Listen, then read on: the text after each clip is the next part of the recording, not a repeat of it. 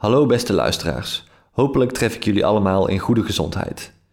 Wetend dat ik, naast mijn persoonlijke stempas, beschik over jullie aandacht, hoe kortstondig en wisselvallig die aandacht ook mag zijn, kan ik het niet laten een paar belangrijke opmerkingen te maken over de aanstaande Tweede Kamerverkiezingen. Ten eerste wil ik herhalen wat ik zei aan de vooravond van de Europese verkiezingen in 2019. Ga alsjeblieft stemmen. Met name de opkomst onder jongeren tot 24 jaar, waarvan ik weet dat ze zich in mijn publiek bevinden, is veel te laag. Bovendien was de opkomst onder jongeren bij de vorige Tweede Kamerverkiezingen in 2017 lager dan bij de Tweede Kamerverkiezingen in 2012. Ipsos stelde een daling vast van 70% in 2012 naar 66% in 2017. Omdat jongeren gemiddeld progressiever zijn dan de rest van de bevolking en omdat zij van alle stemmers het langst zullen moeten leven met de gevolgen van politieke besluiten die nu genomen worden, is het extra belangrijk om de opkomst van jongeren omhoog te krijgen. Daarnaast en algemener is het een verdrietig feit dat een heleboel goede ideeën niet kunnen worden uitgevoerd, omdat veel mensen die achter die ideeën staan niet de moeite nemen om te stemmen op een partij die de ideeën wil uitvoeren. Die ogenschijnlijk kleine onachtzaamheid, vaak gecombineerd met verzuchtingen over hoe ver Den Haag zogenaamd afstaat van het individuele leven, hoe weinig er zogenaamd kan veranderen en hoe relatief alles zogenaamd is, kan ons in de toekomst duur komen te staan. Het kan ons het restant van de verzorgingsstaat kosten. Het kan ons de democratische rechtsstaat kosten. Het kan ons zelfs het klimatologische evenwicht van de planeet kosten. En nu denk je misschien, ja, ik realiseer me welke duistere klimaatscenario's ons opwachten, maar ik heb niet het idee dat ik daar iets aan kan veranderen en daarom stem ik niet. Maar de vraag die je jezelf moet stellen is niet, weet ik wel zeker dat ik het kan veranderen? De vraag die je jezelf moet stellen is: als deze scenario's ook maar gedeeltelijk bewaarheid worden, wil ik dan niet het minimale gedaan hebben om ze te voorkomen? We zitten midden in een ongekende, catastrofale misdaad tegen een groot deel van het leven op aarde, inclusief de mens. Het gaat hier niet om het meetbare rendement van jouw wandelingetje naar het stemlokaal. Het gaat om hoe je jezelf wilt herinneren en om hoe je herinnerd wilt worden door latere generaties. Nu ik je er hopelijk van overtuigd heb, als je dat niet al was, om te gaan stemmen, kom ik bij mijn tweede cruciale punt. Het is niet een tirade tegen kwalijke partijen als Forum voor Democratie, PVV, SGP en DENK. Al maak ik me grote zorgen over de bliksemrehabilitatie van Thierry Baudet. Als je hiernaar luistert, is de kans klein dat je van plan bent op een van deze partijen te stemmen.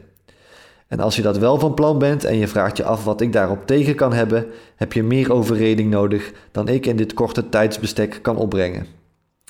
Liever val ik een opvatting aan die juist aardig gedijt bij tegenstanders van Forum voor Democratie en PVV, namelijk het beeld van VVD en CDA als een praktisch en fatsoenlijk midden tussen onpraktische en onfatsoenlijke extremen op rechts en op links.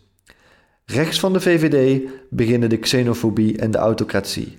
Links van het CDA beginnen de cancel culture, de massa-immigratie uit islamitische landen en het naïeve wensdenken dat de economie om zeep zou helpen. Kortom, bij coalities met VVD en CDA als motorblok is het land in goede handen. In deze voorstelling van zaken gaan meerdere dingen mis. Om te beginnen is de VVD helemaal niet vrij van xenofobe en autocratische neigingen. Ik roep de uitspraak van minister van Buitenlandse Zaken Stef Blok in herinnering uit de zomer van 2018. Hij zei onder andere: Noem mij een voorbeeld van een multi-etnische of multiculturele samenleving waar de oorspronkelijke bevolking nog woont en waar een vreedzaam samenlevingsverband is. Ik ken hem niet. Uiteraard zijn er talloze voorbeelden, waaronder het land waar Blok minister van is. Deze uitspraak gaat verder dan de stelling dat niet alle culturen even waardevol en compatibel zijn. Blok impliceert dat culturele en zelfs etnische verschillen niet succesvol overstegen kunnen worden door universele principes. Een onjuist, antiliberaal, extreem rechts idee.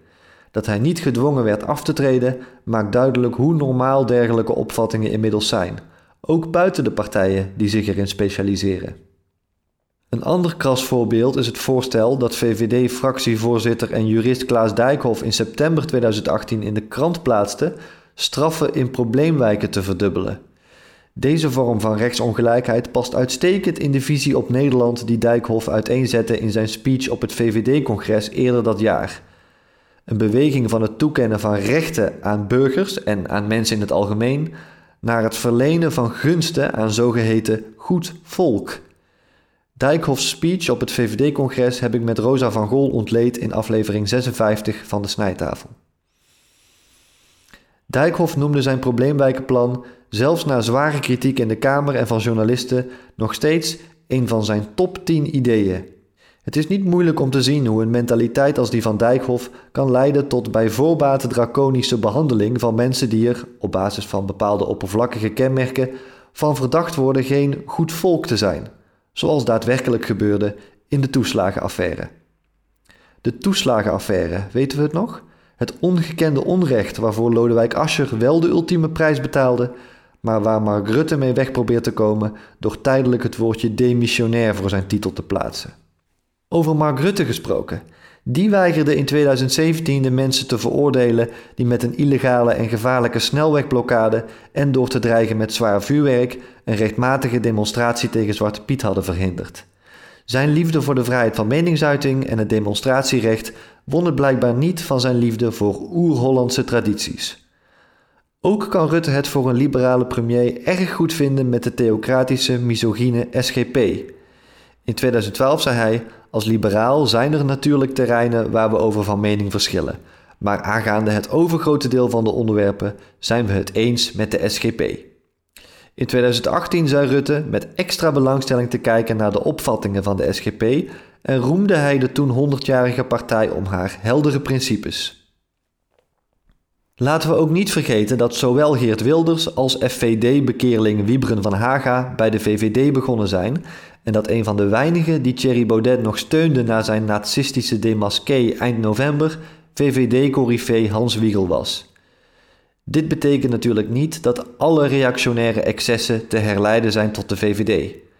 Het chauvinistische plan van het huidige kabinet om basisschoolkinderen het volkslied uit hun hoofd te laten stampen kwam bijvoorbeeld niet van de VVD. Dat kwam van het CDA. De Orde van Advocaten heeft de verkiezingsprogramma's van de 13 grootste partijen getoetst op eerbiediging van de rechtsstaat en alleen de Partij van de Arbeid, D66 en GroenLinks kwamen feilloos door de test. Andere partijen kregen tenminste zogenaamde gele kaarten voor plannen die een risico konden vormen voor de rechtsstaat. Rode kaarten voor plannen die regelrecht in strijd zijn met de rechtsstaat werden uitgedeeld aan VVD, CDA, SGP, PVV, Forum voor Democratie, Ja21 en SP. Bij de rode kaarten gaat het meestal om hoe de partijen asielzoekers en Nederlandse moslims willen behandelen. Rutte's goede vrienden bij de SGP kregen ook een rode kaart voor het willen herimplementeren van de doodstraf.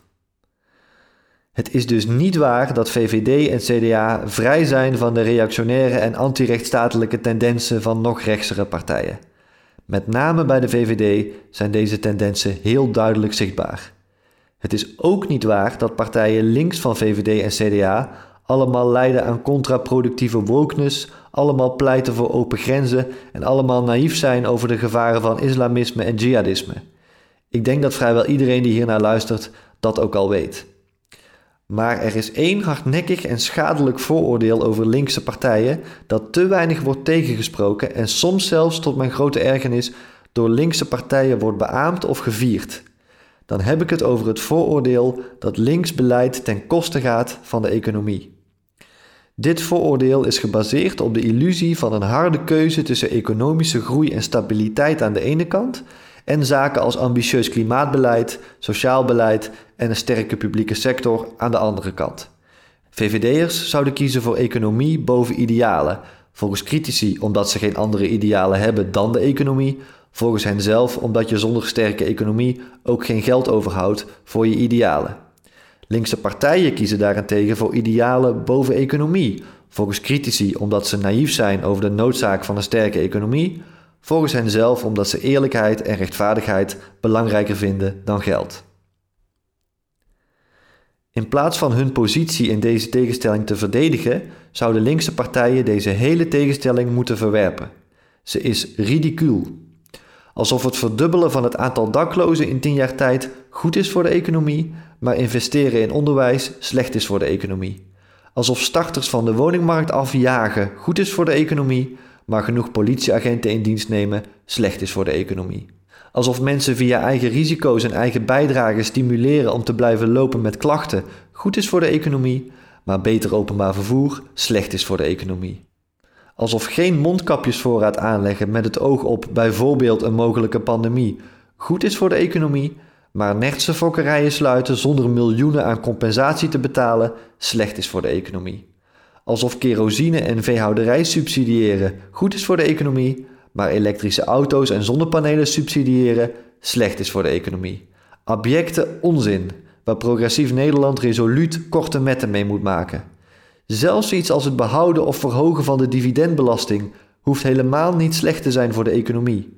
Hogere belasting op winst maakt het immers minder aantrekkelijk voor bedrijven om winst uit te keren en aantrekkelijker om winst meteen weer te investeren, wat goed is voor de economie. Helaas willen linkse partijen nog wel eens dwepen met de hen toegeschreven minachting voor geld en markten, of erger nog, daadwerkelijk anti-economische voorstellen doen. De reden dat de Partij voor de Dieren een gele kaart kreeg van de Orde van Advocaten was, en ik citeer, de al te doortastend klinkende voorstellen waar gesproken wordt over het afbreken van grote handelsketens die over één kam lijken te worden geschoren in de veronderstelling dat zij ecosystemen verwoesten en onderdrukking faciliteren. De Partij voor de Dieren is bij mijn weten ook de enige partij die in de media pleit voor economische krimp, iets waarvan ik ernstig betwijfel of het progressieve doelen dichterbij gaat brengen. Om te compenseren voor het feit dat ik de Partij voor de Dieren hier negatief uitlicht, wil ik ook vermelden dat deze partij de enige is die klimaatbeleid daadwerkelijk helemaal bovenaan de agenda plaatst, waar het ook hoort. Ondanks mijn kritiekpunten overweeg ik daarom serieus een stem op deze partij. Linkse kiezers die gevoelig zijn voor het zogenaamde pragmatisme van Mark Rutte's VVD, op economisch gebied, maar ook op andere gebieden, willen zich nog wel eens vertwijfeld afvragen of hun ideeën misschien toch onrealistisch zijn. Ik zal niet beweren dat er geen naïef wensdenken bestaat in progressieve kringen, want het bestaat wel. Het idee van bijeen om het leger af te schaffen is er een voorbeeld van.